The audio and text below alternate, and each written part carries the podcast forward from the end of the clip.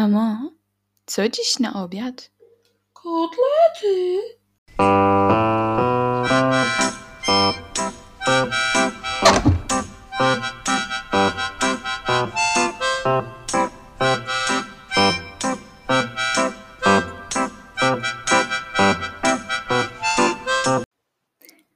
Cześć! Witam wszystkich na moim podcaście o książkach. W dzisiejszym odcinku będzie mowa o najnowszej książce Stefani Meyer. O książce, yy, która miała wyjść na światło dzienne znacznie wcześniej, ale to się nie udało ze względu na wyciek początkowych rozdziałów do internetu. Autorka się w związku z tym zdenerwowała i zaprzestała pracy nad tytułem na długie lata. W tym roku jednak wyszło na jaw, że książka zostanie wydana. I to już w sierpniu. W sierpniu tego roku. W dniu amerykańskiej premiery, to jest 4 sierpnia, nastąpił ten długo wyczekiwany moment przez fanów sagi i mogli wreszcie dostać opasłe dzieło autorki. Opasłe, ponieważ ma ponad 700 stron.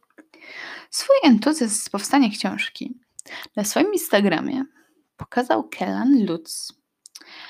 Jest on odtwórcą roli Metakalena we wszystkich ekranizacjach serii. Po książkę sięgnęłam bardziej z ciekawości niż z sentymentu. Zmierzch czytam może i nie jakoś specjalnie bardzo dawno temu, ale też nie specjalnie jakoś ostatnio. Bardzo zainteresowały mnie przecieki, o których wcześniej wspominałam, z których yy, też pokusiłam się skorzystać. Powiem, że przeczytałam około dwóch pierwszych rozdziałów i one jednak się troszeczkę różnią od finalnej wersji. Ale już dosyć tych wstępów. Pora na konkrety. Początek książki rozpoczyna się w dniu przyjścia Belli do nowej szkoły. Edward początkowo nie zwraca zbytnio uwagę na ten fakt, ponieważ jest pochłonięty swoimi i cudzymi myślami.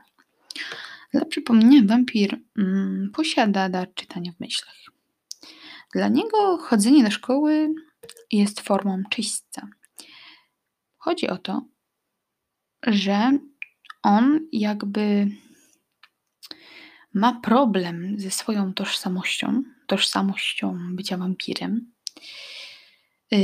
co jest później w książce jeszcze wielokrotnie wspominane odnośnie różnych sytuacji, ale wracając do początku. Te pierwsze strony specjalnie mnie nie wciągnęły. Siedzący wampir wraz ze swoim rodzeństwem na stołówce i podsłuchując cudze myśli, które tylko i wyłącznie krążą wokół nowej uczennicy. Więc na razie no action. Chociaż jest taka jedna rzecz, która mnie zaskoczyła na początku, mianowicie Jessica Stanley i jej jakże podły charakter. Czytając książki z perspektywy Belli, nie widzimy zbytnio negatywnych cech jej przyjaciółki roku, która w rzeczywistości jest dość paskudnym człowiekiem. Myśli jedno, robi drugie i udaje sympatię do dziewczyny, a w rzeczywistości no, taka sympatyczna nie jest. Jednak wiele wskazuje na to, że w grę wchodzi głównie zazdrość o Mike'a Newtona, który ciągle, acz bezskutecznie, stara się przekonać do siebie panny Swan. Podczas wspólnej pierwszej lekcji Edwarda i Belli, którą jest biologia, yy, i było yy, ostatecznie tak, że jak pamiętacie, Edward się dziwnie zachowywał. Tu jest wyjaśnione, o co tak naprawdę chodziło.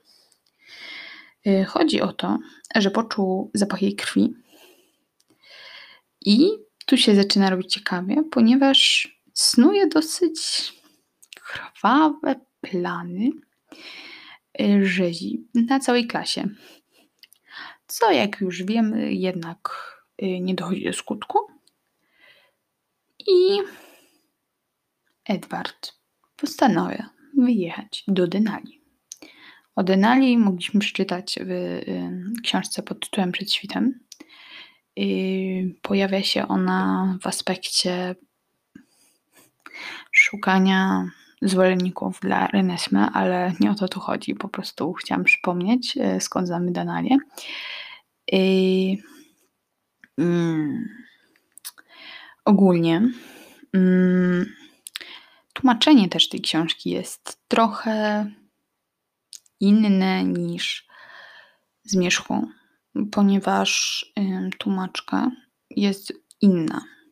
Więc ogólnie chodzi o to, że rozmowy bohaterów z 2005 i rozmowy bohaterów z 2020 nie wszystkie się pokrywają. Y, ale jakby po co to mówię? Y, powiem jakby później, ponieważ y, pozwoli mi to odpowiedzieć na pytanie zawarte w tytule tego odcinka. Myślę, że bardzo interesującym wątkiem zaraz obok poznania myśli drugoplanowych bohaterów, którzy za dużo w książce nie mieli szansy się wypowiedzieć, na przykład komendant Swan, są też retrospekcje życia rodziny wampirów. Niby stare wątki są poruszane, ale pojawiają się również nowe. Na przykład, że Jasper kontaktuje się czasami ze swoimi znajomymi z dawnych czasów. I w tym wątku również jest nawiązanie do wampiricy Marii, która go stworzyła, o czym dowiadujemy się na przykład w Zaćmieniu.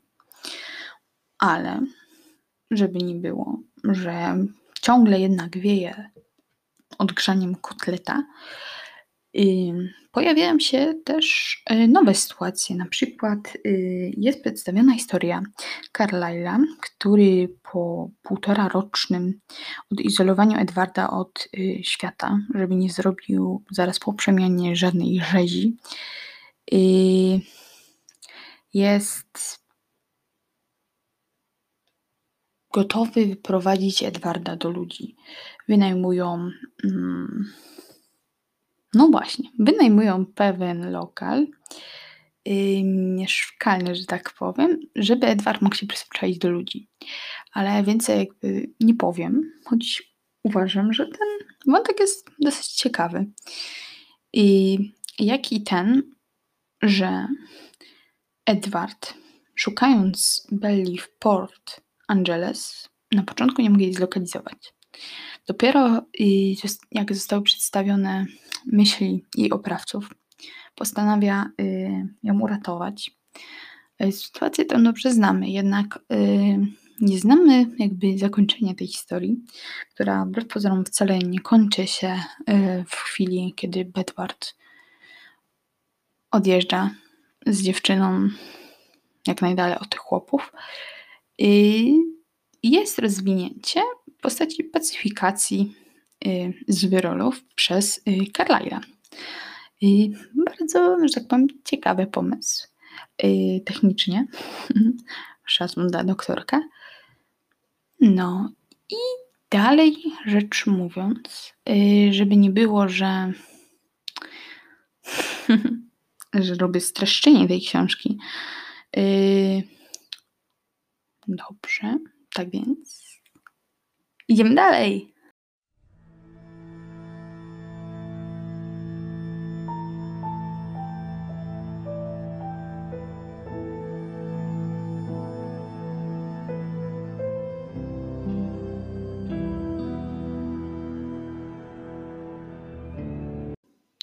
Idąc dalej tropem fabuły, wieje nudą, chociaż nie do końca, bo pojawiają się retrospekcje z początków istnienia rodziny Kalenów, co jest niesamowicie wciągające moim zdaniem.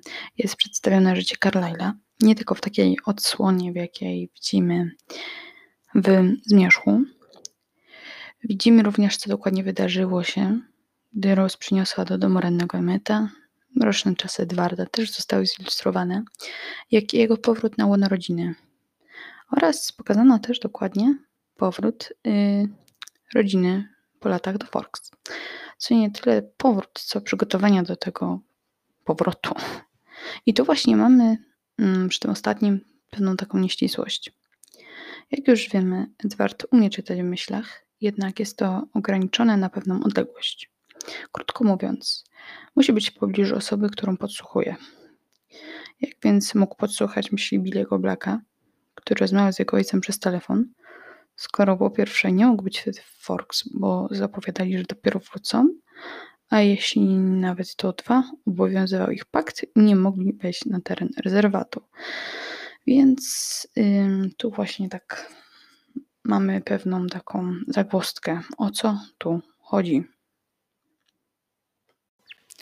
Te powroty do przyszłości są moim zdaniem bardzo, bardzo, bardzo dobre, ponieważ nadają takie wyrazistość całej sadze, ponieważ teraz po przeczytaniu Słońca w mroku jakby mam takie odczucie, że zmierzch był taki niekompletny, taki pozbawiony duszy jakiegoś takiego smaku, wyrazistości.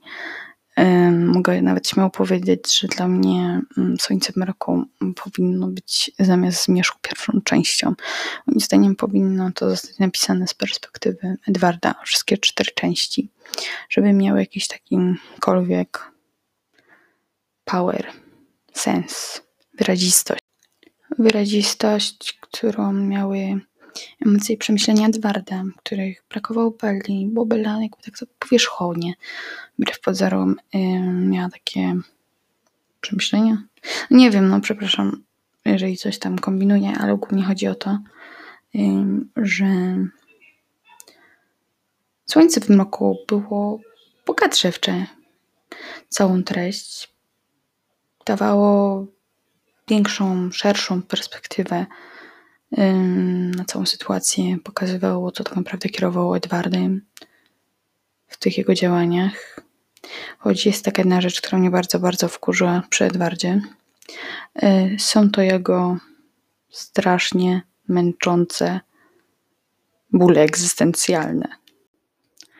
Przez pierwsze pół książki strasznie, ale to strasznie marudzi i ubolewa nad tym, że jest wampirem, że, że jego egzystencja zagraża Belli, ale że ją tak bardzo, bardzo, bardzo kocha, ale ostatecznie jakby jak już czytelnik pomyśli sobie, że, że już się ogarnął, że już jest dobrze, że co prawda zachowuje ten, y, że tak powiem, dystans społeczny z Bellą, y, że tam się kontroluje, to nie.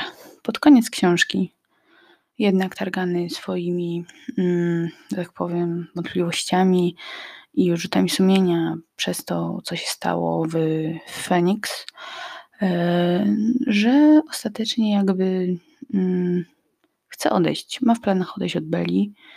E, daje się taki trochę niestały w swoich uczuciach pod ten koniec, jakoś tak e, kocha ją, ale ją porzuci i tak dalej, więc można się łatwo domyślić, że jakby takim czynnikiem zapalnym, który rzeczywiście spowodował, że wyjechali, był atak Jaspera na Belle w drugiej części w,